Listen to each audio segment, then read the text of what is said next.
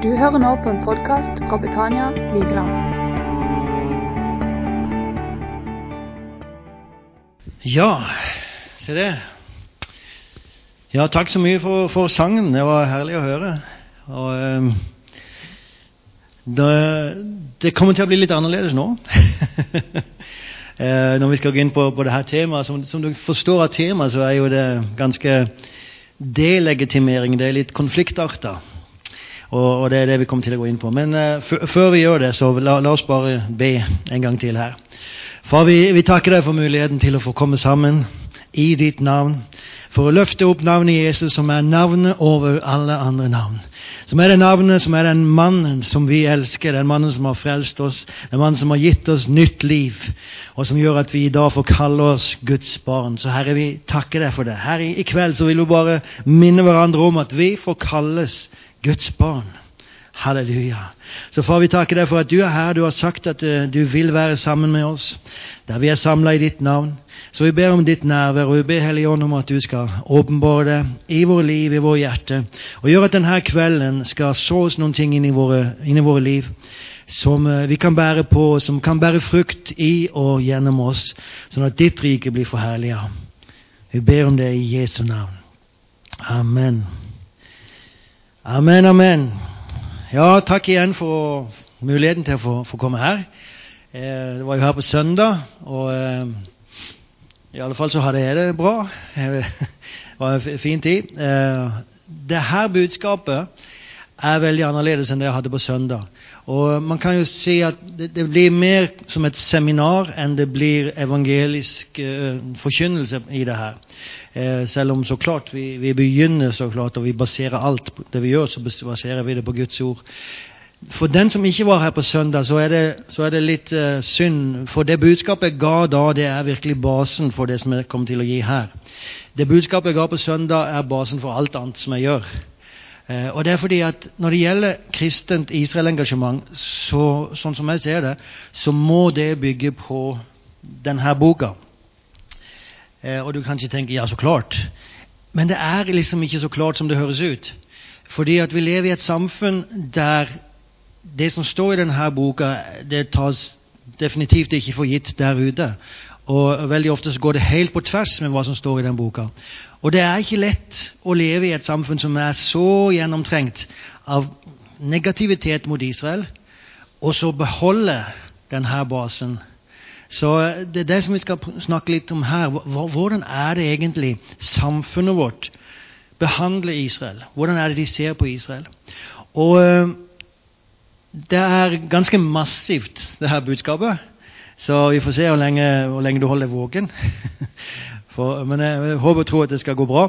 Men det, det, er ganske masse. Vi kommer til å ta opp ulike områder. Men for å forstå det, så må vi forstå Israels kall. Altså, Vi snakka på søndag om at Israels si, oppgave Jesus sier om det jødiske folket frelsen kommer fra jødene. Hvis det er så at frelsen kommer fra jødene, da er det klart at den onde han er veldig interessert i å forhindre dette, i å slå til mot det jødiske folket, mot Israel. Og Jeg skal begynne med, med å lese noen vers om det. Og Det er i den sammenhengen som vi må, må se på delegitimeringen av Israel. At det fins en åndelig kamp. Det, det, altså, når du og vi snakker til ikke-kristne, da kan vi ikke snakke om en åndelig kamp først og fremst og si at det her er åndelig, og du forstår ikke det her det går faktisk å si noe godt om Israel uten å bruke Bibelen. Det går å støtte Israel uten å være kristen.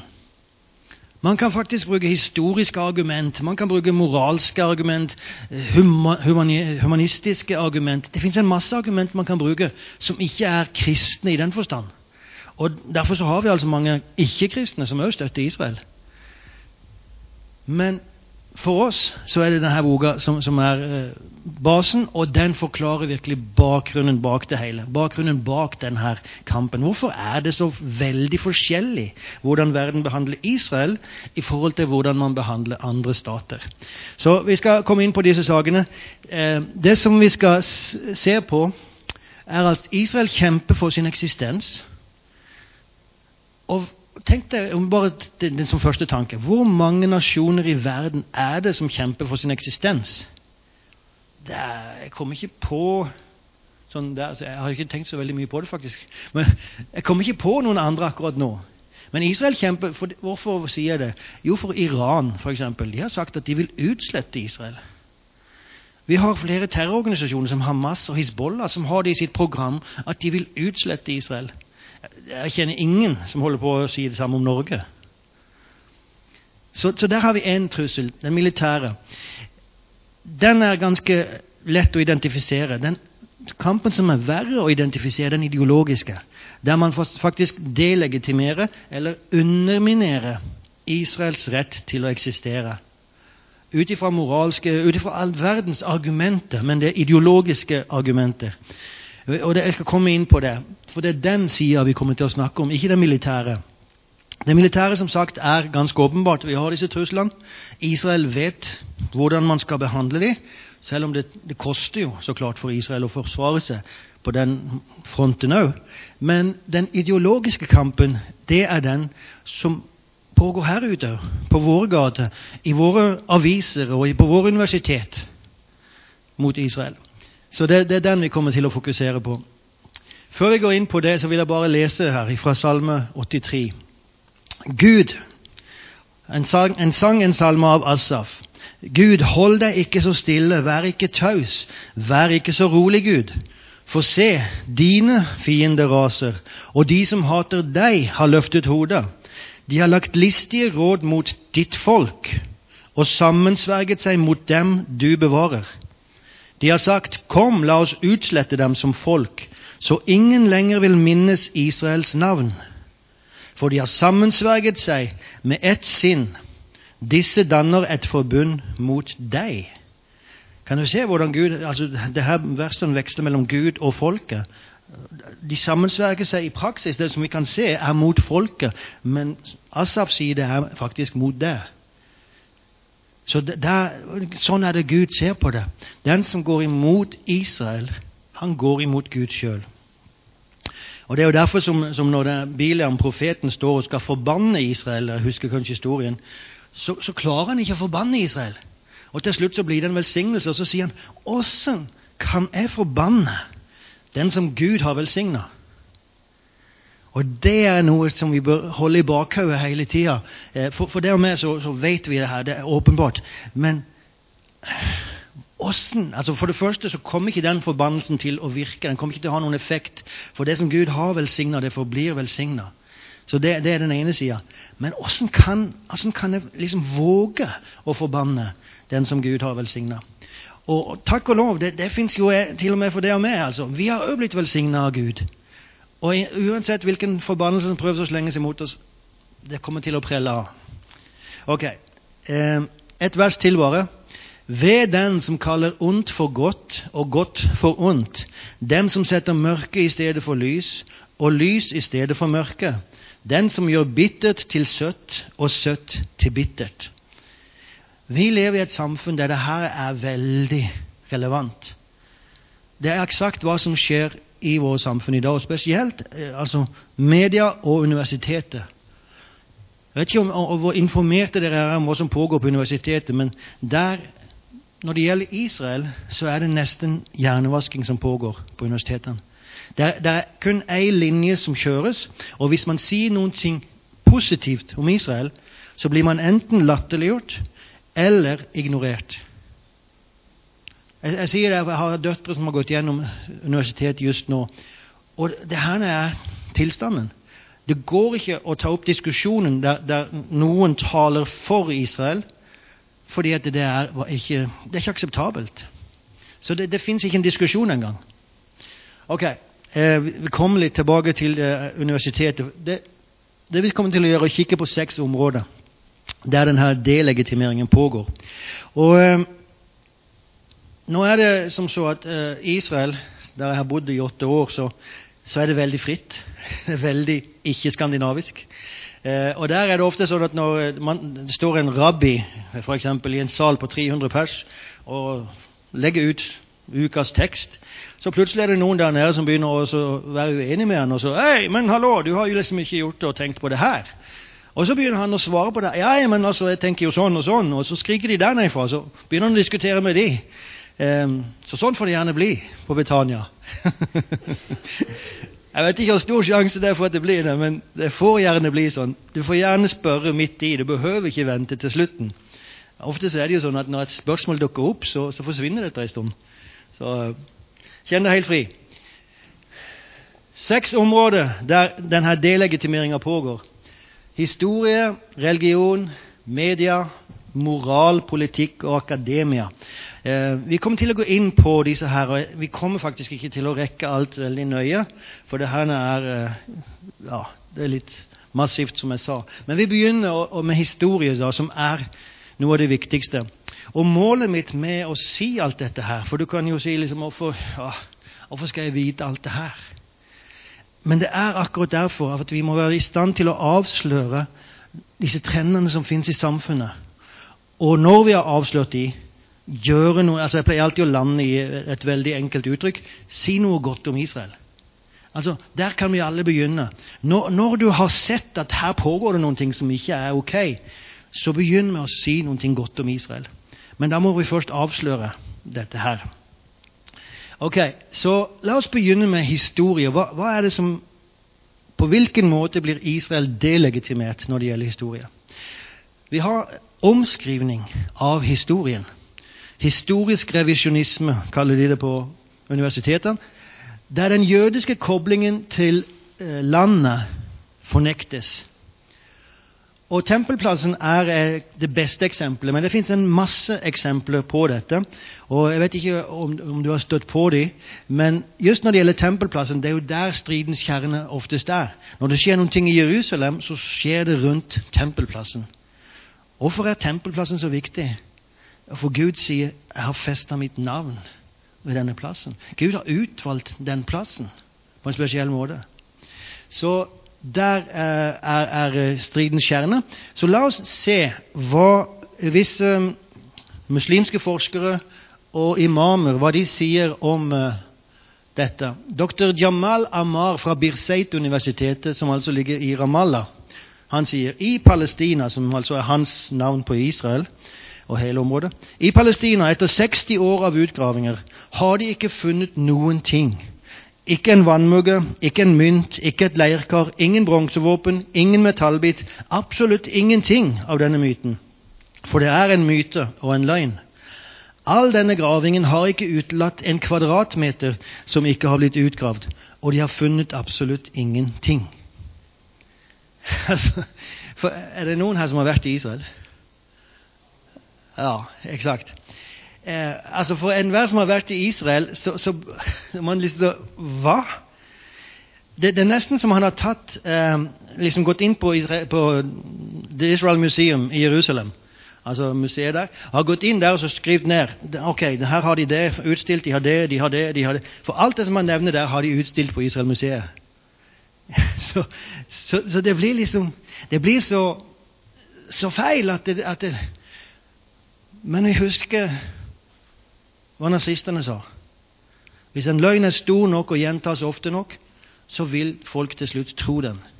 Og denne løgnen er så stor og så usannsynlig at til slutt så kommer folk til å tro den. Nå tenker du at nei, men den er, hvis den er så lett å avsløre Problemet som vi, som vi, har i dag, er at folk er ikke historisk interesserte. Folk i dag vil ha lette svar. Fast facts. Uh, hva heter det for noe? The Idiot's Guide til alt mulig. Så Man skal bare ha det, liksom, det siste, konklusjonen. Og man søker ikke noe nærmere. Men uansett, her har vi én uttalelse. La oss se på en annen. Jerusalems tidligere mufti, altså øverste leder, i Kramat Sabri, sier det finnes ikke en, en, eneste indikasjon på at et jødisk tempel har stått på denne plassen tidligere. I hele byen finnes ikke en eneste sten som indikerer jødisk historie. Våre rettigheter på den andre siden er veldig tydelige. Igjen altså samme påstand, bare som fra, fra en annen person. Og, og der våre rettigheter er på den andre siden veldig tydelige. Ok, Og det, det er klart, det fins masse arkeologisk bevis for arabisk nærvær i, i, Jerusalem. Absolutt. Når 1400 år så er det muslimer og, og senere liksom arabere som har regjert i Jerusalem. Så det fins masse. Men graver du under det, det som ligger under, så finner du det jødiske. Du finner først det kristne, Romerriket, bysantinske, og så finner du det jødiske.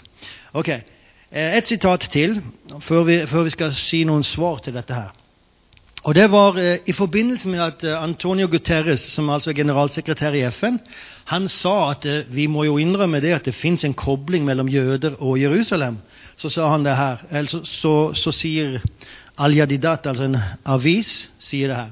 Mr. Antonio, Jerusalem og hele Palestina, fra elven til havet, er landet til det palestinske folket, og deres historie er landets historie.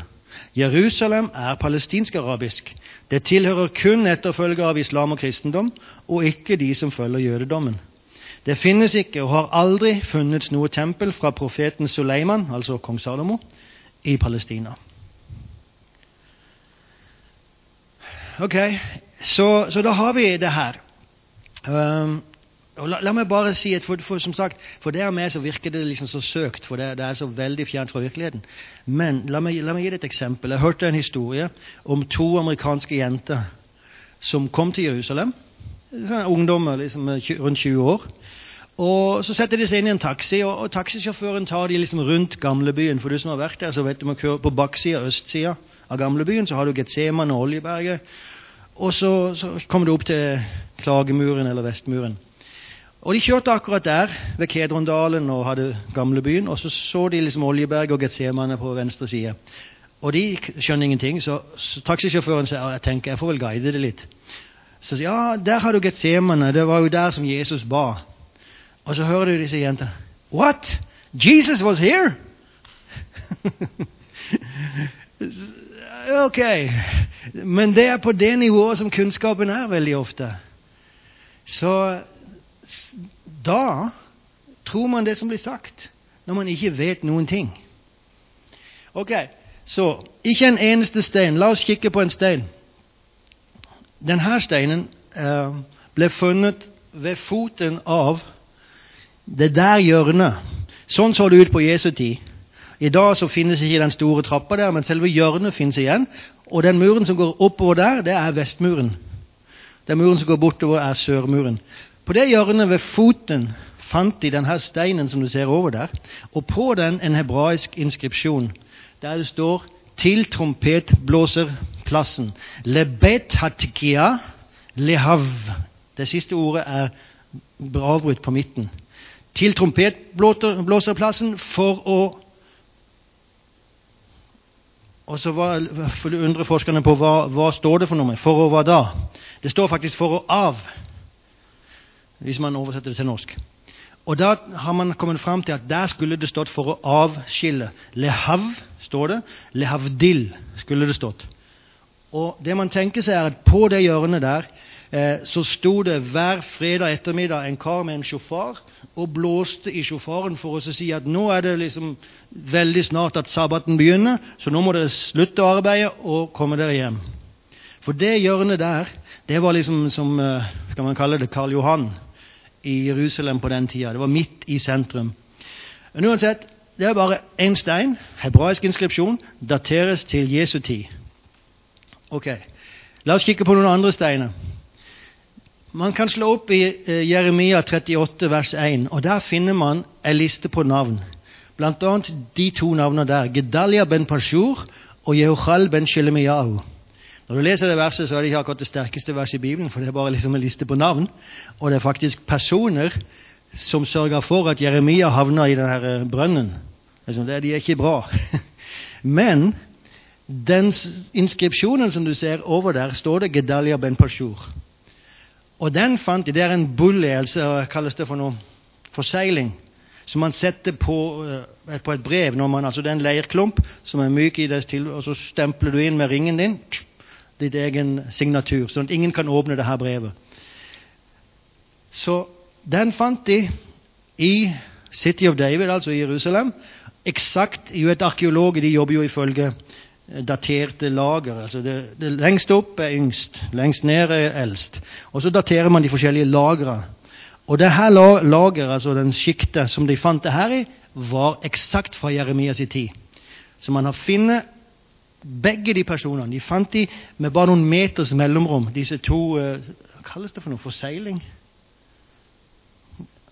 Seil, ja. Seil. Eksakt. De fant de her da i, i samme utgravning. Um, de fant Seinere så fant de den her bare en 100 meter derifra. Og der står det faktisk 'tilhører Hiskia, sønn av Ahas, konge av Juda'. Kong Hiskia. Tenk deg, der, det der merket har sannsynligvis kongen sjøl stempla inn med sin ring. Kong Hiskia. En av de gode kongene i Gammeltestamentet. En av de store, faktisk. Han som sendte lovsangerne først når de skulle ut i krig. Tenk på det. altså Da er du virkelig, da, da berører du bibelhistorien konkret. Og så fant de den her bare for et par år siden. Og der står det Yishayahu, som er altså Jesaja, Hanav. Og der mangler det bare én bokstav, Navi, for at det skal stå profeten. Det står Yishayahu proff. Så man, man, kan ikke vite det 100% sikkert, men sannsynligvis så er det altså seilet til Jesaja, profeten Jesaja, som man har funnet. Ok, um, Det er bare noen få eksempler. Men, altså jeg kunne holdt på med å vise steiner i Jerusalem som de har funnet om inskripsjoner osv. Jeg kan jo holde på i ukevis. Eh, jeg vil bare ta en siste eksempel, og det er det her. Ser det mønsteret her? For eh, Nå er det snart 20 år siden. Så oppe på tempelplassen så begynte muslimene å grave ut en underjordisk moské. Jeg vet ikke om dere har hørt om det, for det, det var en stor sak når det pågikk. Fordi tempelplassen er freda. Altså, både jøder, muslimer, Israel og Jordan, som faktisk som har et ansvar der, palestinske selvstyre, har kommet fram til det at ingen får grave på tempelplassen. Det er såpass hellig, og det, det skaper bare konflikt. Men så begynte de å grave der, for de ville ha en underjordisk moské.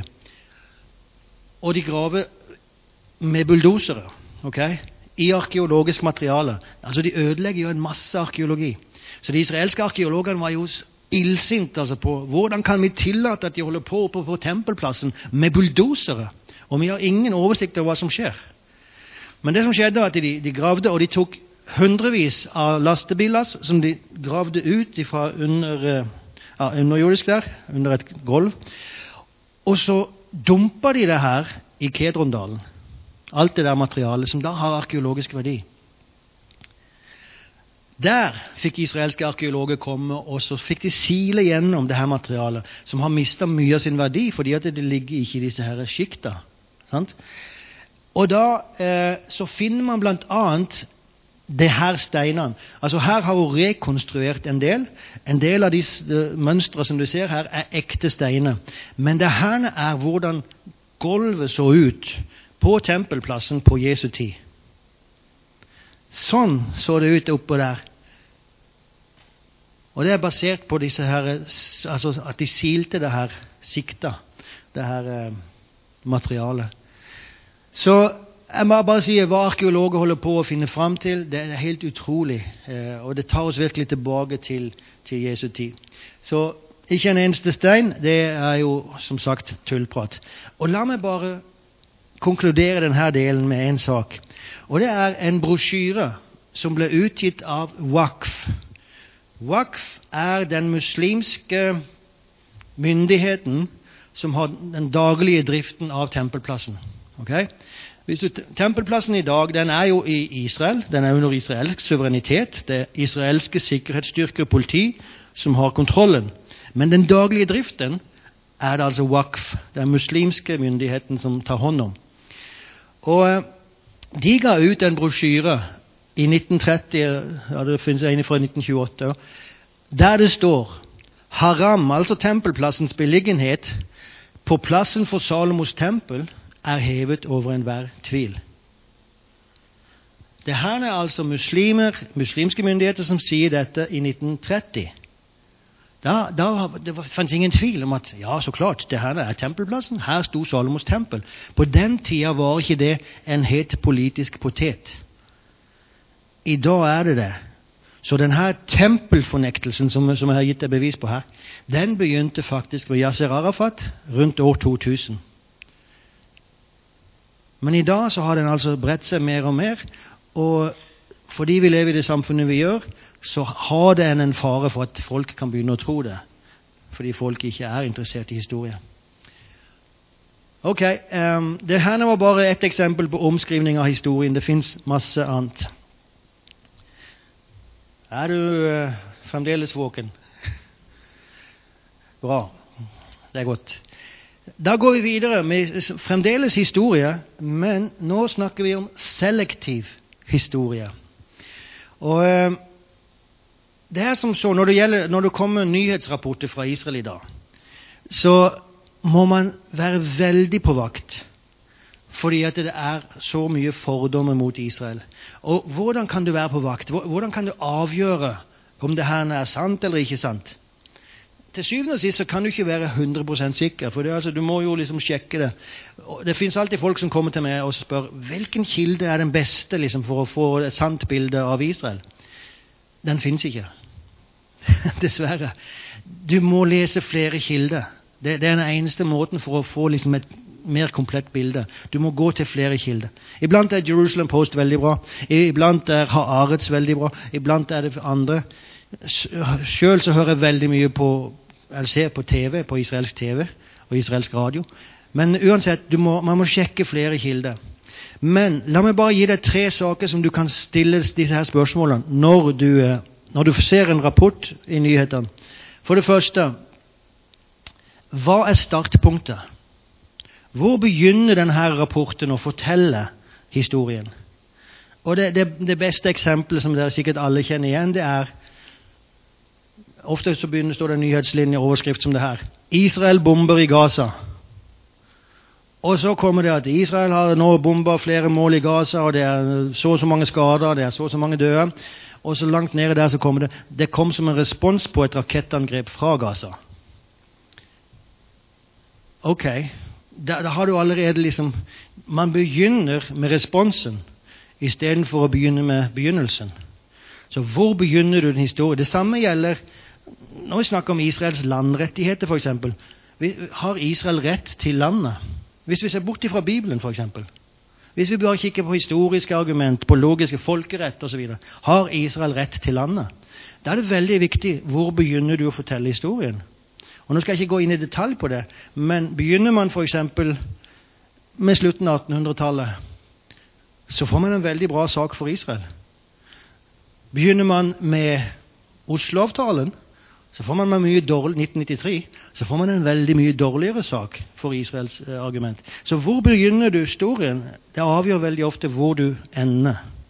Så veldig viktig òg når du leser nyhetsartikler og ser på TV. Nå kan jo ikke en sånn nyhetsrapport ta med hele historien hver gang. Det fungerer jo ikke. Man er jo nødt til å gå inn et visst sted.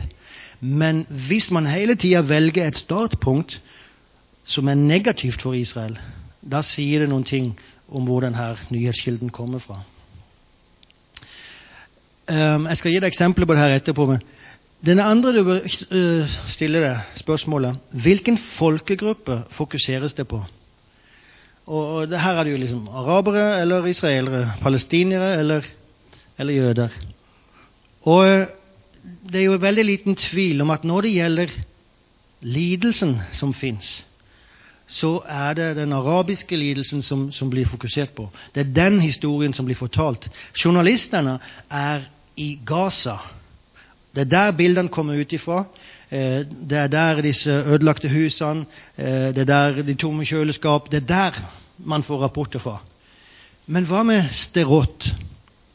Har du hørt om Sterot?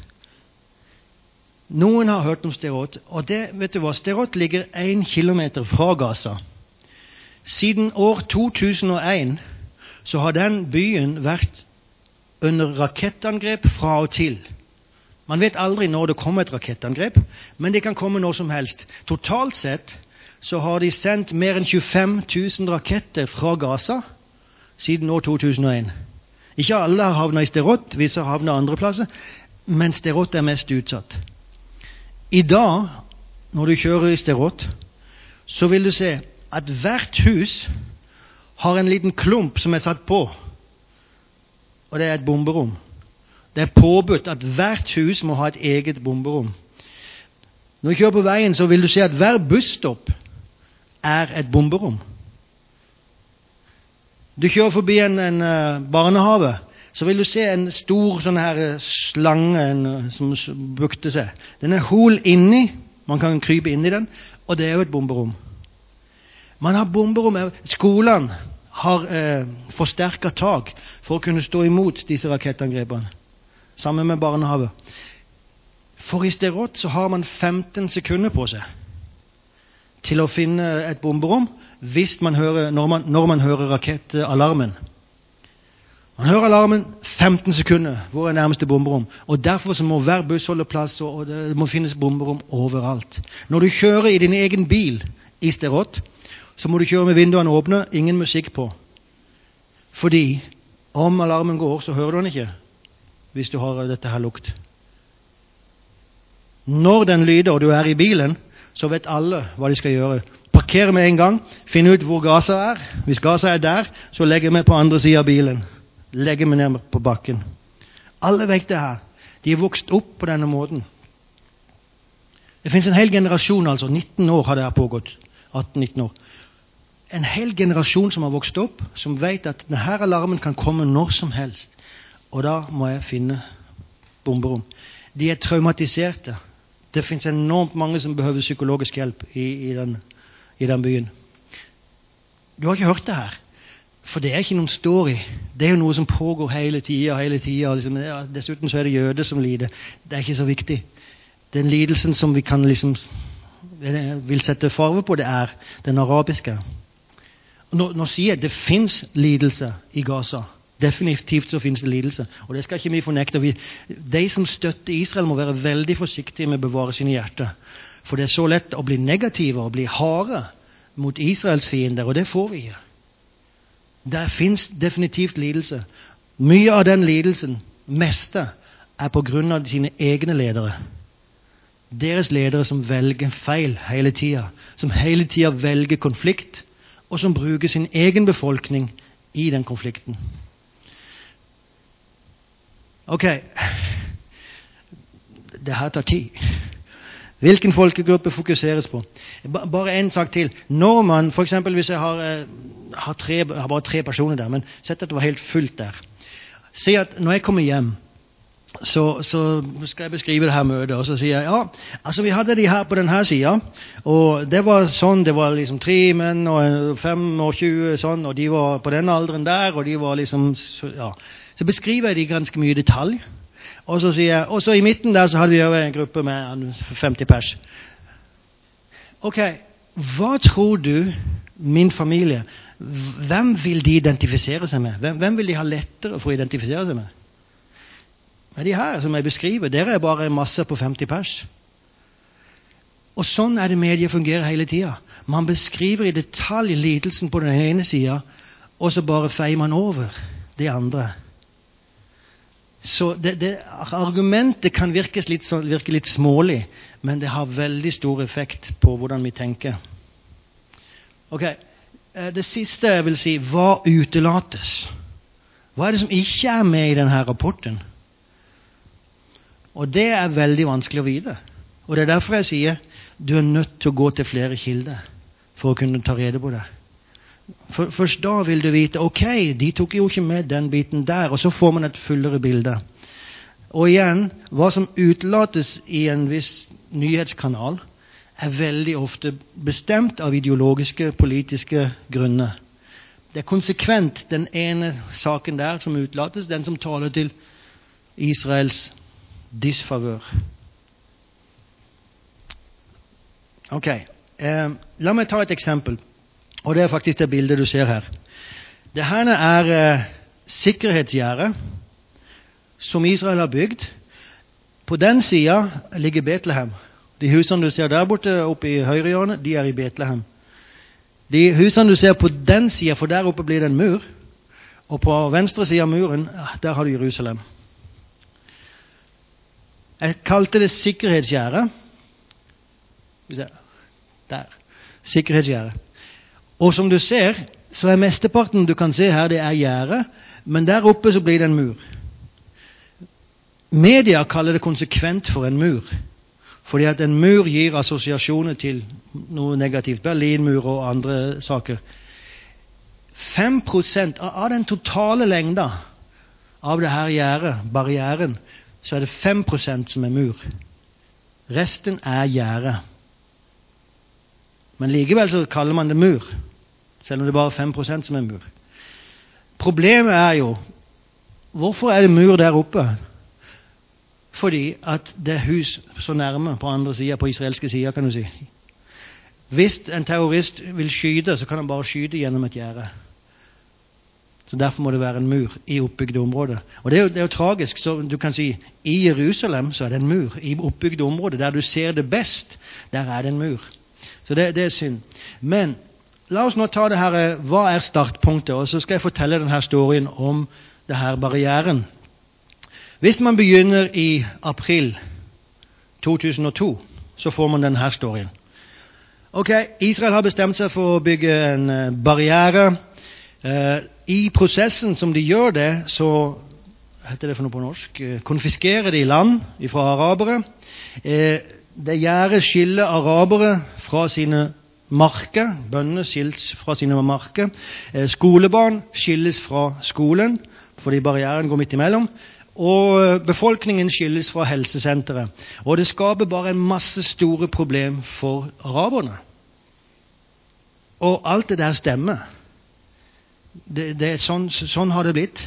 At det, eh, det ble problemer når man bygde den her. Men det som òg stemmer, det er at Israel faktisk rev ned eh, helsesenteret og bygde det opp igjen på rett side så at folk fikk tilgang til det. Man lagde porter igjennom så at bøndene kunne komme gjennom til sine marker. Og man organiserte busstransport for skolebarna, så de kunne komme til sine skoler. Og Det blir ikke ofte omtalt i media. Men uansett, den står i en stemmer. Og det er oftest den som fortelles. at Israel er bare ute etter å lage problemer for den arabiske befolkningen. Og det her eh, muren, som de kaller det, iblant kaller de det faktisk apartheidmur, eh, er, er bare til for å gjøre livet surt for araberne. Det var hvis du begynte i april 2002. Hvis du begynner i Du kan, du kan liksom stille spørsmålet hvorfor bygde Israel den der sikkerhets, sikkerhetsgjerdet. Og hvis du da begynner i mars 2002, så får du denne storyen. I mars 2002 så finner det sted 36 terrorangrep i Israel. Og da, da, er det de verste terrorangrepene vi kan tenke oss. Det er selvmordsbombere på busser og kafeer. Det er uh, skytinger uh, bare inn i folkemengde. Uh, det er bomber som plasseres ut på gågater. Det er kjøre ned folk med bil. Det er knivstikking. Det er alt du kan tenke deg. 36 terrorangrep i løpet av den måneden. Det er mer enn ett angrep hver dag. Og 131 personer blir drept i disse angrepene. Det, det var da Ariel Sharon, som var statsminister i Israel, sa det her kan ikke fortsette. Jeg kan ikke, altså jeg har jo en uh, forpliktelse å beskytte innbyggerne i dette landet. Så da bestemte regjeringa at vi må bygge et sikkerhetsbarriere, en sikkerhetsgjerde. Så storyen blir helt annerledes hvis man bare begynner en måned tidligere. Og det, her, det er det her spillet som, som media holder på med hele tida. Ikke gi bakgrunnen, ikke gi konteksten til det hele. Her har du bare noe som pleier å dukke opp rett eh, rundt jul hver, hvert år. Og Det er sånn her, eh, en karikatur av Josef og Maria som kommer da til Betlehem. Og når de kommer til Betlehem, så er sikkerhetsgjerdet som akkurat der, der er en mur. Og så er det israelske soldater da, som da sjekker om det det noe våpen? finnes det noe sprengstoff her? Eh, så man si, bruker jo det her for å si, liksom, skape følelse at det her er Betlehem i dag. Sånn gjør israelerne. Hvis Josef og Maria hadde kommet i dag, så hadde de ikke sluppet inn. Liksom. Det, det, er jo veldig sånn følelsesmessig. Men faktum er jo at hvis Josef og Maria hadde kommet i dag og hadde gått inn For man kan gå den veien, er det ikke noe problem.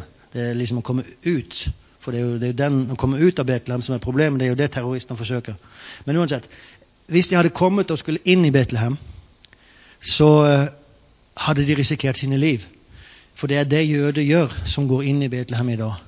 Det fins faktisk store skilt som Israel har satt opp, som sier at det er forbudt for israelere å gå inn i Betlehem, gå inn i Jeriko, gå inn i Ramallah, gå inn i Nablus, alle disse store byene i Judea og Samaria. Det er forbudt for israelere å gå inn der fordi det har skjedd for ofte at når de går inn, så blir de lynsja. Eh, de blir holdt som gisler i utbytte for terrorister. Og Derfor har Israel sagt dere får ikke gå inn. Så Josef og Maria hadde virkelig sett, satt sine liv i fare hvis de hadde kommet til, til Betlehem i år. Ok. Um, vi er fremdeles på historie, og jeg skal bare fort, det her har jeg nevnt litt. Ignorering av historien. For vi har det her uttrykket ja, men det er historie. Med andre ord, det, det er jo irrelevant. Hvem bryr seg om det? Men vet du hva? Uten historisk forståelse så forstår ikke du Vigeland i dag. Du forstår ikke Norge i dag. Vi forstår ikke verden i dag. Det, det er jo historien som har skapt det vi ser i dag. Hvis du forstår f.eks. For Balkan, hvorfor er det så mye problem der nede? Du er nødt til å gå på historien for å finne ut av det.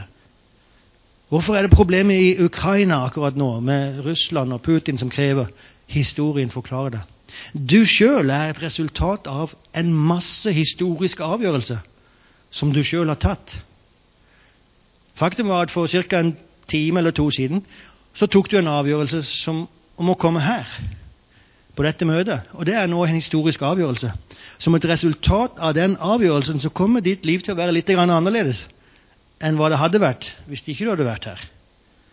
Nå har jeg ikke liksom store liksom forhåpninger om at det her prekenen skal liksom forandre ditt liv, men, men uh, du forstår hva jeg mener.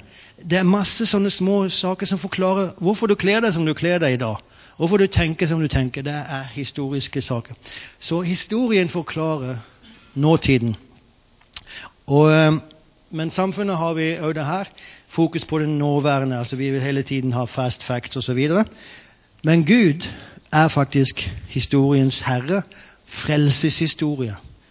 Den frelsen som du har del av, den er historisk forankra. Vet du hva Paulus sier? Hvis Kristus ikke er korsfesta, da er din tro ingenting. Altså, Paulus sier hvis et historisk faktum ikke har skjedd, da kan du bare glemme, liksom. Da, da, er, det, da er det lost. Hele frelsen bygger på historie. Ok, eh, det var historie, det. Vi, vi ruller videre. Religion som et våpen mot Israel. Eh, la oss eh, snakke om kristen erstatningsteologi. Og eh, Klarer du å henge med i, i tolkinga, eller? ja da. Det går bra. Det går bra. Um, kristen erstatningsteologi eh, det er jo denne teologien som sier at vi som kirke har erstatta Israel i alt som har med Guds løfter å gjøre. Okay? Eh, alt som har med Guds velsignelse å gjøre. Det er ikke, det er ikke alle Guds løfter som kirka tar. Alle, for, for, det finnes masse løfter til Israel om forbannelse, om straff. Og det vil ikke erstatningsteologer ha noe med å gjøre. Så det er bare disse løftene som har med velsignelse å gjøre, som kirka da har tatt til seg.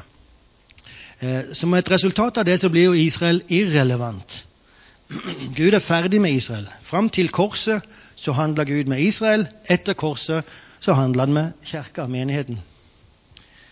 Så da har vi en uh, sak her, som uh, et skriv som kom ut for første gang i 2009.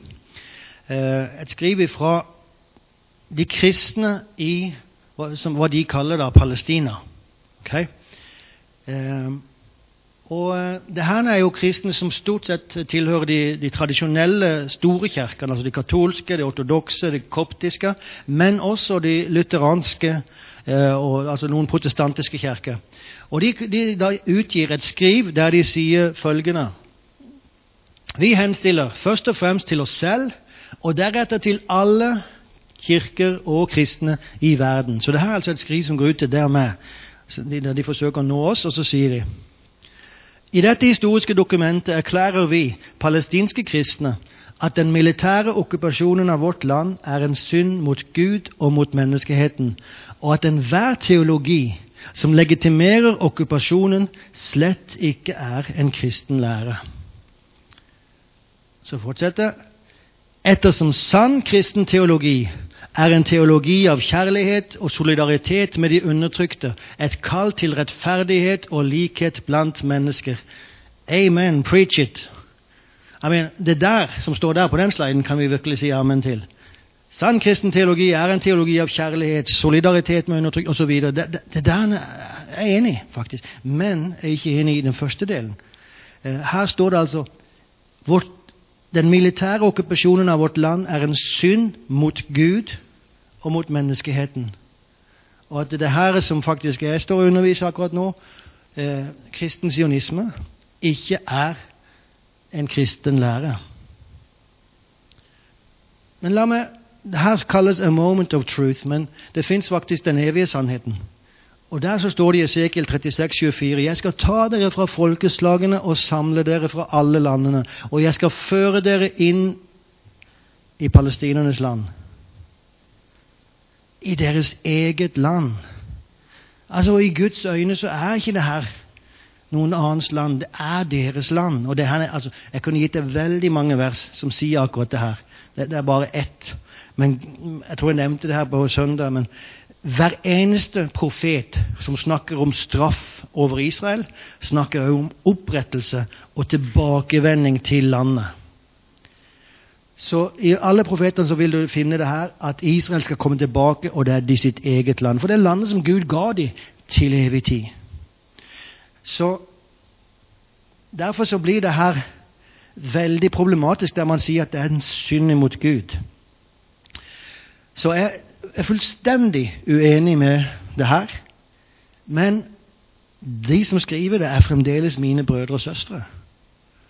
Og det, det, det, det er denne distinksjonen som jeg tror er så viktig for oss å holde. Den som bekjenner at Jesus Kristus er Herre, han er min bror og min søster. Uansett om han skulle ha feil når det gjelder Israel. Så, så um, la, oss, la, oss, igjen la oss bevare våre hjerter. Når jeg snakker om kristen sionisme, så, så, peker jeg på at det, det uttrykket består av to ord. Kristen og sionisme. Iblant så blir vi så mye sionister. og Det er ikke sikkert at det er et problem her, men iblant så er det et problem. Man blir så mye sionist, man blir så mye for Israel at man glemmer at man faktisk er kristen. Og som kristen så har man fått Guds kjærlighet i sitt hjerte, som elsker alle mennesker. Så ok, du, du får uh, the gist of what I'm saying. Ok. Um, det var det eneste jeg ville ta med akkurat nå om det her med erstatningsteologi. Uh, man kunne også gå inn på, på muslimsk erstatningsteologi, for det, den er faktisk Hvis, hvis det finnes én teologi som er erstatningsteologi de luxe, så er det islam. For islam sier følgende Jo da, Gud talte til jødene. Han ga dem Det gamle testamentet. Men de korruperte Skriften. Så derfor måtte han komme igjen til de kristne gjennom Jesus. Det var Gud som talte gjennom Jesus. Men de kristne korruperte Det nye testamentet. Og Derfor så kom han en tredje og en siste gang, the final revelation, den siste åpenbaringa, til Muhammed, som korrigerer de to foregående. Så Derfor er det sånn at i islam at Moses er en profet, Salomo som vi så, er en profet, Jesus er en profet altså Alle disse personene som fins i jødendommen, som fins i Bibelen, de blir viktige for islam. Alle disse plassene som fins der, blir viktige for islam. Og Det er derfor du finner islam på tempelplassen. Det er derfor du finner islam i Hebron, der de har tatt over delvis eh, Abrahams, Isaks og Jakobs grav i Hebron, Makpela. De fins i Nablus, som er det bibelske Sikhem, der de har mer eller mindre kontroll over Josefs grav. For alle disse personene er viktige i islam òg. Islam er virkelig erstatningsteologi. Ok. Um, så det var litt om teologi, og man kunne virkelig gått i dypet på det, men det rekker vi ikke. Dette er et viktig poeng, en dobbeltmoral som finnes. Og Her da, så finnes det anklager mot Israel for kontinu kontinuerlig brudd på menneskerettigheter. Vi hører det veldig ofte, også fra norske politikere. Norge er jo eksperter på å si Nei, men vi stiller oss på linje med hva FN sier. Altså, FN har talt. Da, da, da, that's the final word. Men la oss kikke litt bare på noen fakta som gjelder FN og Israel. FNs råd for menneskerettigheter okay? Eh, det har ikke funnet så veldig lenge. 2006 ble det oppretta. Men mellom 2006 og 2016 50% av alle deres resolusjoner er retta mot Israel. Altså 50 av, av De har jo resolusjoner som ikke er retta mot noen nasjoner, som bare er generelle. Men av alle nasjonsspesifikke resolusjoner så er 50% retta mot Israel. Altså, da, da, må en, sånn, en tenkende person begynne å tenke ok, FNs menneskerettighetsråd skal liksom overvåke brudd på menneskerettigheter over hele verden. Og så sier de altså at 50 det, det er kritikk mot Israel. Er det rimelig at Israel er ansvarlig for 50% av alle brudd på menneskerettigheter i verden? Altså, det er jo helt, helt urimelig. Og det sier bare litt om FN. La meg ta et eksempel til. FNs generalforsamling 83% av alle resolusjoner mellom 2012 og 2017 retta mot Israel. Nå snakker vi altså FNs generalforsamling, der Norge er med, der alle land har sin egen, har én stemme. Det er 193 medlemmer. 83% av alle de sine resolusjoner under de fem åra retter mot Israel. Hva? Altså, har, har, du hørt dette her? For det er jo ikke noe som vi er veldig stolte av. Jeg tror ikke det er noen som er veldig stolte av det her. Men det, det er jo sånn det er. Siste. Eh, det er jo bare tørre fakta. Unesco 100% av alle resolusjoner. Fordi Unesco kommer egentlig ikke med resolusjoner. Det er bare i tilfelle når det gjelder Israel, at de gjør det. Og da er det 100 av alle de sine resolusjoner retta mot Israel. Unesco er jo de som eh, altså, har ansvar for kulturarver og osv., utdannelse osv. Så, videre. så det, det, de har gjort de siste åra, det er å si at uh, Tempelplassen og det området der Det fins ingen jødisk kobling der. Uh, Rakels grav det er en muslimsk moské. Har ingenting med jødene å gjøre. Det er det som Unesco har sagt de siste åra. Hebron, samme sak. Ingen jødisk kobling i Hebron. Og du, du sier det sikkert som et spørsmålstegn, for det her er ganske, ganske ukjent for de fleste. Og man tenker men, altså, det, er jo ikke rimelig. Det er jo FN, tross alt. Poenget med FN er det fins 56 muslimske land i FN. I tillegg så fins det noe som kalles the non-aligned movement, den ikke-allierte bevegelsen. Eh, som er for det meste diktaturet rundt omkring i verden. Og de har slått seg sammen med de muslimske landene, for de er veldig avhengige av muslimske lands olje osv. Til sammen så utgjør disse 120 nasjoner. Hvilket betyr at de har en automatisk majoritet. Det var en uh, israelsk uh, diplomat, Abba Eban, som sa en gang hvis FN ville vedta at månen er en ost, så hadde de fått flertall for det. Men det går jo ikke mot Israel, så da får de nok ikke det. Men det, det, her som er, det her er altså FN. Det er fullstendig korrupt i forhold til Israel. FN gjør veldig mye annet bra, så det er ikke, liksom, ikke helt råttent. Men i forhold til Israel så kan man ikke stole på FN. En annen sak eh, som har, Se på den. Uproporsjonal bruk av makt. Det er noe som veldig ofte blir kasta mot Israel. Når Israel forsvarer seg, så sier nei, men dere bruker for mye makt. Hvis du kikker på det bildet der, så tenk, Sett deg i, i skoa på den israelske soldaten der. Hvis han skyter, så risikerer han å treffe babyen. Han, han risikerer å treffe sivilbefolkningen, uskyldige. Hvis han ikke skyter, så risikerer han ganske sikkert å bli skutt på sjøl, bli drept, og barnet bak han blir drept. For det fins ikke lenger noe forsvar. Kan du se hvilket dilemma det her er? Det her er de dilemmaene som Israel står overfor i Gaza i forhold til Hamas, og i Libanon i forhold til Hizbollah. Det her er faktisk Hizbollah, det gule flagget der. Fordi at disse organisasjonene som er terrororganisasjoner, de gjemmer seg bak sivilbefolkningen. Vet du hva media gjør?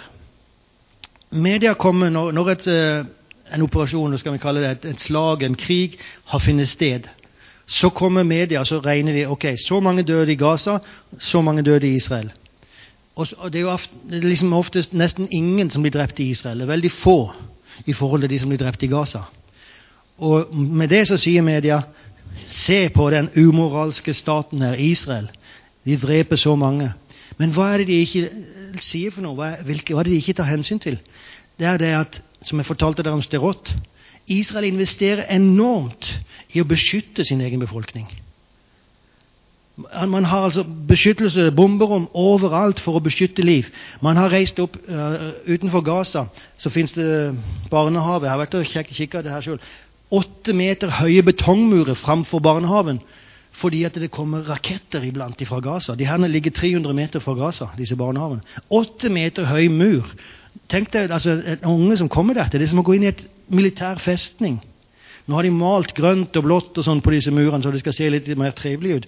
Men det er, det er, virkeligheten. Man gjør alt man kan for å beskytte. Man har antirakettsystemer som skyter ned de fleste av disse rakettene.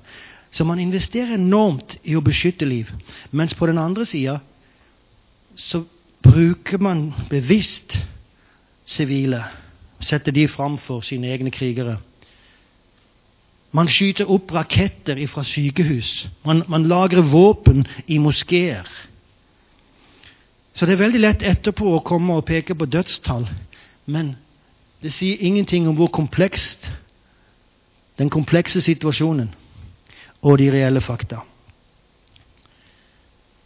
Ok. Um, jeg innser at jeg bare holder på her, og, og det fins veldig mye å si. Men uh, vi skal ta visse hovedsaker her, for jeg rekker ikke å ta alt. Men la, la oss kikke litt på karikaturtegnere. For der fins det virkelig et anarki. Dette er en karikaturtegning fra England. Eh, kanskje litt vanskelig å se, men her er tidligere statsminister i Israel, Ariel Sharon, som spiser en baby. Hodet er allerede borte. Og I bakgrunnen så har du israelske kampfly som bomber Gaza. Og Så sier da Ariel Sharon hva er det som er galt? Har du aldri sett en politiker kysse en barn før?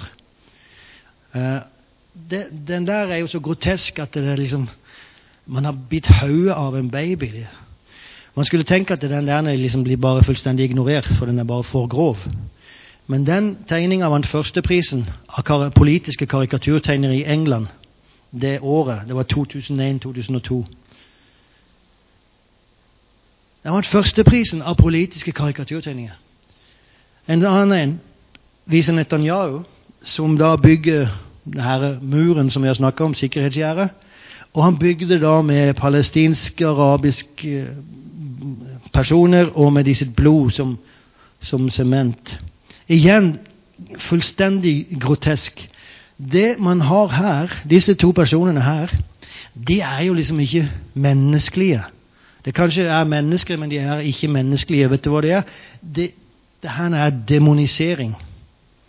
Hvis man kan framstille den israelske statsministeren på denne måten, da framstiller man ikke bare én person, men man framstiller faktisk et folk, for de er jo folkevalgt. Så, så man sender et budskap om det her er Israel. Sånn grotesk. Siste er, er den her, der Netanyahu vises i form av en, et hagekors. Det har å gjøre med en lov som ble vedtatt i Israel. Men uansett, Netanyahu presenteres som det verste fienden jødene har hatt, liksom, et hagekors. Så disse karikaturtegnerne man, man, får nesten ikke kritisere dem, for det skal finnes en frihet til å gjøre disse her. Men det her er faktisk demonisering. Og det er som sagt konsekvent. Dagbladet i Norge et av de verste når det gjelder det her. Um, veldig fort La oss bare kikke på, på noen mediaord. Ja, det der tegninga det, det, er liksom, det er sånn man føler det når man står overfor media. Liksom, åh, det er jo bare en flom av dårlige rapporter mot Israel. Hva skal man gjøre, liksom? Uh, men eh, det, semantikk det er jo altså hvordan man bruker ord. Det, her har jeg kalt det manipulasjonens verktøy. Det, det er jo ikke en uh, oversettelse av hva semantikk er, men uh, det er bruken av ord. Ordet voldsspiral Jeg vet ikke om jeg har hørt ordet voldsspiral i bruk om Voldsspiralen i Midtøsten øker. Men vet du hva, hva er en spiral? Spiral er som det går rundt, rundt. Det går liksom opp eller det går ned. Men, men det, det går rundt, rundt. Det går ikke å skille på parter i denne konflikten, for det er bare en spiral. Alt går rundt. Voldsspiral tyder på at vold herifra, vold derifra, vold ifra alle kanter. Ingenting som, som skiller på partene. Og det man gjør, det er at man setter en armé for et demokratisk nasjon på samme moralske nivå som en terrororganisasjon. Altså, IDF, den israelske armeen, utfører terror. Eller så er denne terrororganisasjonen en godkjent armé. De er på samme moralske nivå, hvis man bruker det ordet. Det har man kanskje ikke tenkt på når man, når man bare leser ordet 'voldsspiralen øker'. Men det er det som er underbudskapet. Underbevisst så kommer det inn. Um, separasjonsmuren jeg nevnte den allerede. Noen kaller den apartheidmur osv. Men Sikkerhetsgjerde er faktisk det beste ordet for det. Eller sikkerhetsbarriere. Okkupasjonen er et ord som kommer igjen hele tida. Og det forutsetter at du virkelig tror at det finnes en okkupasjon. Men det finnes veldig gode argumenter for å si at Israel ikke okkuperer. Vi kan ikke gå inn på det, men det, det ordet der går det ikke an å komme unna. Det snakkes det hele tida om. Òg at bosetninger er ikke lovlige det er jo en tolkning. Ok, eh, Militante, aktivister Man bruker veldig ofte disse ordene istedenfor terrorister nå for tida. Når det gjelder Hamas, som skyter raketter, så sier man eh, Hamas-militante, Hamas-aktivister skjøt raketter. Nei, de er faktisk terrorister. De går eh, ikke kledd i uniform. De skyter mot sivile mål, forsøker å drepe sivile. Det er terrorisme. Okay. Uh, Palestina jeg har, jeg har, nevnt litt kort bare sånn at Det er jo et problematisk ord. For, for Palestina er Hva er Palestina? Og Vi kan dra hele, hele den linja fra når ordet ble tatt i bruk osv. Men det området som man i dag som Norge f.eks. henviser til når det gjelder Palestina, det kalles også for Vestbredden bibelske navnene er Judea og Samaria. Den historiske navnene er Judea og Samaria. Og det er en veldig stor forskjell på hvis du kaller det Palestina eller Judea og Samaria. Det er veldig stor forskjell hvis du kaller det Vestbredden eller Judea og Samaria. Begge disse to navnene, Palestina, Judea og Samaria, er moderne i forhold til å beskrive det området. Hvis du vil være historisk korrekt, så skal du kalle det Judea Samaria. Men du kan ikke kalle det Judea Samaria i vårt samfunn, for da kobler de jo til jødene. Judea, jøde, det kommer jo derifra. Um, det, det, det her jeg sier ok, skal vi virkelig ta opp fighten mot alt det her? For det, det føles virkelig som en stor overmakt. Men jeg tror vi må i hvert fall være bevisst på det. Det fins et budskap i budskapet når du leser disse ordene. Al-Aqsa er det navnet som blir mer og mer inn på tempelplassen Muslimene kaller det for al-Aqsa. Iblant så kaller de det for det haram, men al-Aqsa blir mer og mer vanlig. Og Hvis du ser media begynner å bruke al-Aqsa, så er det veldig bevisst for å kutte koblinga til det jødiske. Det er tempelplassen. Bosetning er jo sånn en term som er Vestbredden Øst-Jerusalem. Det brukes veldig ofte. Øst-Jerusalem. Men vet du hva Øst-Jerusalem er? Det er det historiske Jerusalem. Det fantes ingenting annet enn Øst-Jerusalem fram til for 150 år siden. Vest-Jerusalem er 150 år gammelt. Øst-Jerusalem det er der du har Oljeberget, det er der du har Siloadammen, Betestadammen, Tempelplassen, Golgata. Alt er i Øst-Jerusalem. Det er det bibelske Jerusalem. Men når man sier liksom, ja, hvis det er konflikter nede, så får de vel dele det, da. Så får palestinerne for Øst-Jerusalem, og så får Israel for Altså, da får de hele det her bibelske hjertelandet. Ok. Um, vet du hva? Jeg skal bare gå til, til konklusjonen her. Jeg kan, jeg kan fortsette å prate veldig mye her, men uh,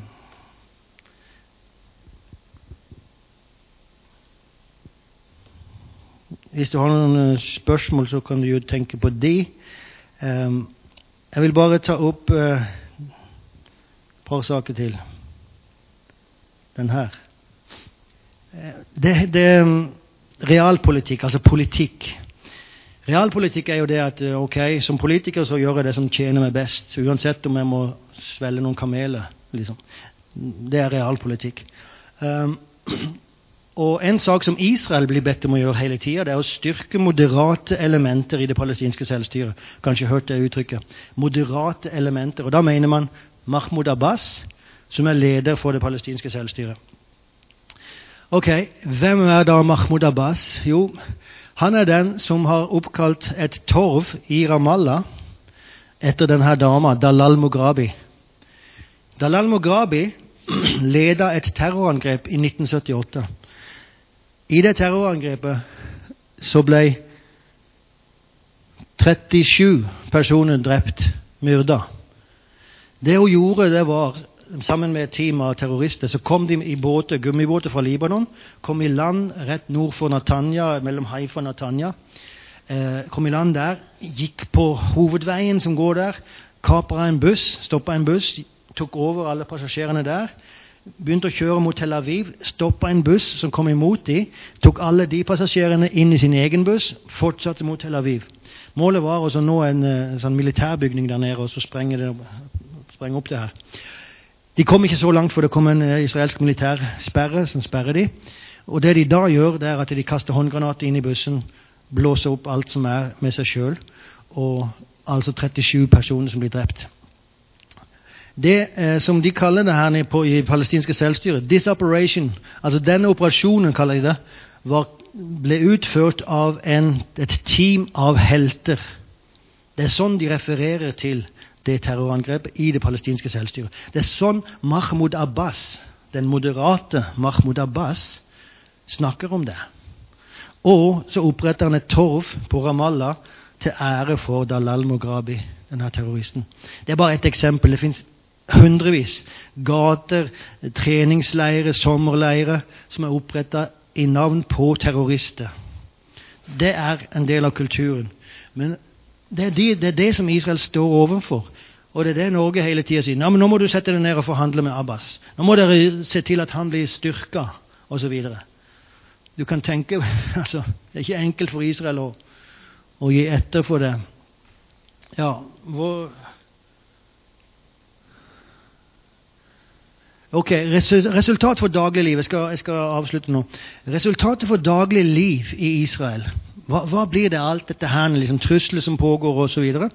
Blant annet det her. Det her er en busstopp eh, i Judea Samaria. Og det er store betongblokker framfor den pga. at det fantes en tid da det var veldig populært å kjøre ned jøder som sto og ventet på bussen. Man behøvde, det behøvde ingen forberedelse. Det var bare å komme med bilen. Det var bare å svinge inn og så kjøre ned Jøde. Så de var nødt til å sette opp de her. Andre ganger, så, når de hadde satt opp de, så begynte de å skyte mens de kjørte forbi. Og da satte de opp sånn høy. Du ser den høye der borte.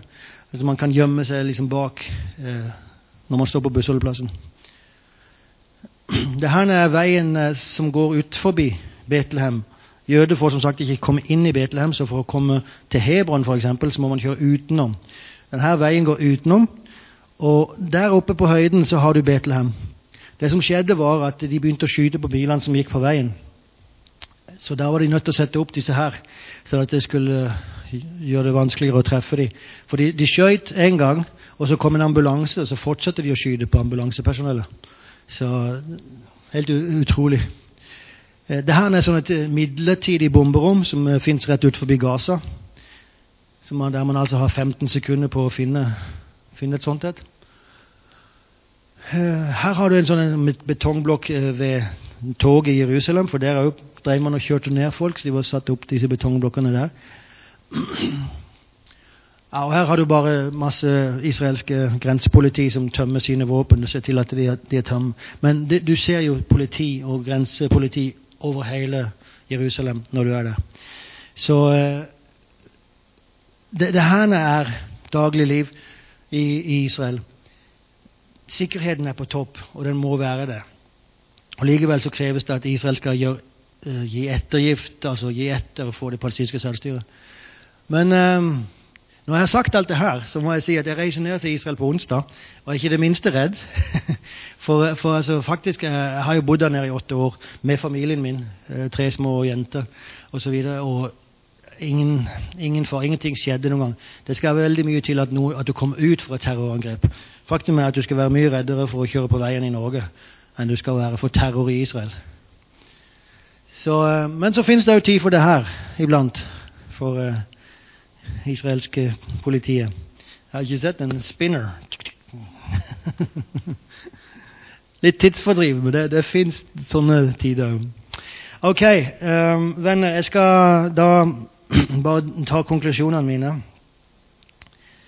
Um, og det er egentlig Vi tar det her. Det, det som er de direkte konsekvensene Come on.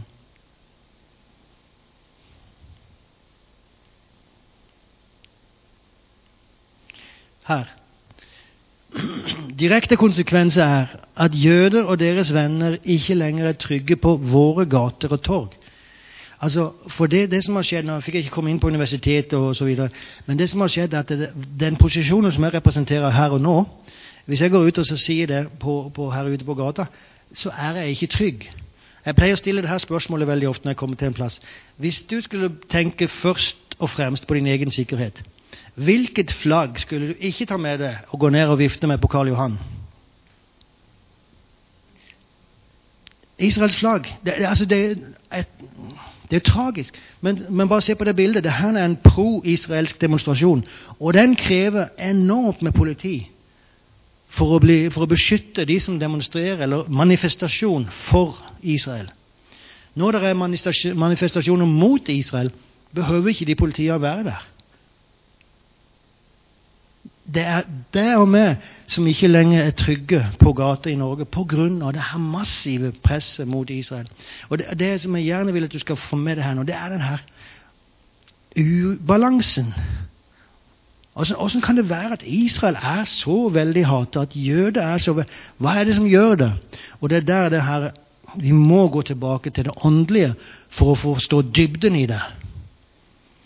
Men når vi snakker med ufrelste, så må vi være veldig forsiktige med å snakke om det, det åndelige, for det, det, de forstår ikke det. Så la oss nå de på en annen måte, ok?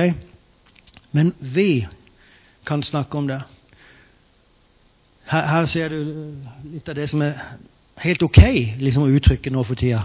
At Israel er en apartheid, eh, vær forberedt på det ekte holocaust, det sanne holocaust osv. Og, og da vil jeg bare sitere en, en syrisk poet. Veldig interessant.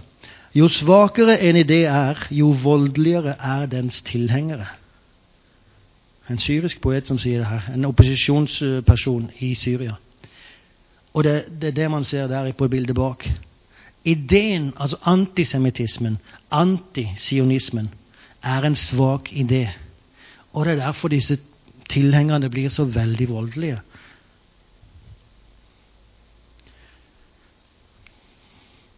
Ok, historie. Jødiske bånd til Eretz Israel kuttes med, med å bruke det her forskjellige metoder. Religion. Jødene har utspilt sin rolle. Politikk. Israel ofres til fordel for stabilitet, innflytelse og finanser, altså realpolitikk. Eh, moral. Den jødiske staten umenneskeliggjøres. Media, Israels synspunkter undermineres, og staten stilles i vanry. Og akademia, intellektuell støtte, gir all denne propagandaen en form for legitimitet. Når, når man kan sitere det at universitetsdoktor som sa det her, han òg tror jo på det her. Snak, da får du liksom litt legitimitet i propagandaen mot Israel. Ok, eh, det der, der. Da kommer vi hit igjen. For det er viktig. Altså, vi, vi, det er viktig at vi ikke lose focus. Vi, vi må alltid komme tilbake til til syvende og sist. For nå har jeg malt et ganske deprimerende bilde her. Det er iallfall ganske tøft. Men til syvende og sist så er det fantastisk fordi du, Israel, er min tjener, Jakob, som jeg har utvalgt. Abrahams etling, min venn, jeg grep deg fra jordens ender og kalte deg fra de ytterste kanter og sa til deg, du er min tjener, jeg har utvalgt deg og ikke forkastet deg. Frykt ikke, for jeg er med deg. Se deg ikke rådvill omkring, for jeg er din Gud. Jeg styrker deg, ja, jeg hjelper deg. Jeg holder deg oppe med min rettferds høyre hånd. Altså Hvis når Gud sier til deg 'jeg hjelper deg', da, da er det ok. Da kan du liksom slappe litt av igjen. Så takk gode Gud at han gjør det. Men Bare la meg vise den òg, da, til slutt. Eh, men la ikke Gud få stå alene i å hjelpe. la ikke Gud få stå alene i å hjelpe Israel. Han har kalt dere med til å velsigne Israel. Og som jeg sa, si noe godt om Israel. Det, det er der vi alltid kommer tilbake til. Når, når, du liksom har fått denne kunnskapen, og så begynner du å utforske på din egen hånd, og så ser du at det her ja, Begynn der du er, og bare si noe godt om Israel. Til dine venner, til familie. Til, og Jeg kan garantere deg at du, du, kommer til å få oppmerksomhet, for det er ikke så vanlig å si noe godt om Israel. Men eh, ikke vent til du blir en ekspert, for da kommer du aldri til å begynne. Så det, det her er hva Gud kaller oss til. Velsigne Israel, stå med Israel og gjøre noe praktisk. Så far, vi takker deg for det. Halleluja. Vi takker deg, Herre, at uh, du har utvalgt dette folket. De har en spesiell kall, en spesiell oppgave i dine planer, Herre. Og vi takker deg for at du opp, uh, oppvekker våre hjerter, våre sinn, til å forstå, Herre. Gi oss åpenbaring, så vi kan forstå. og Hjelp oss med kreativitet, så vi kan finne måter å stå til sammen med det, det jødiske folket. Stå og velsigne det jødiske folket. Og, og la det her få spre seg i Kristi kropp, Herre. Kunnskapen om Israel og kjærligheten til dem. Vi ber om dette i Jesu navn. Amen, amen.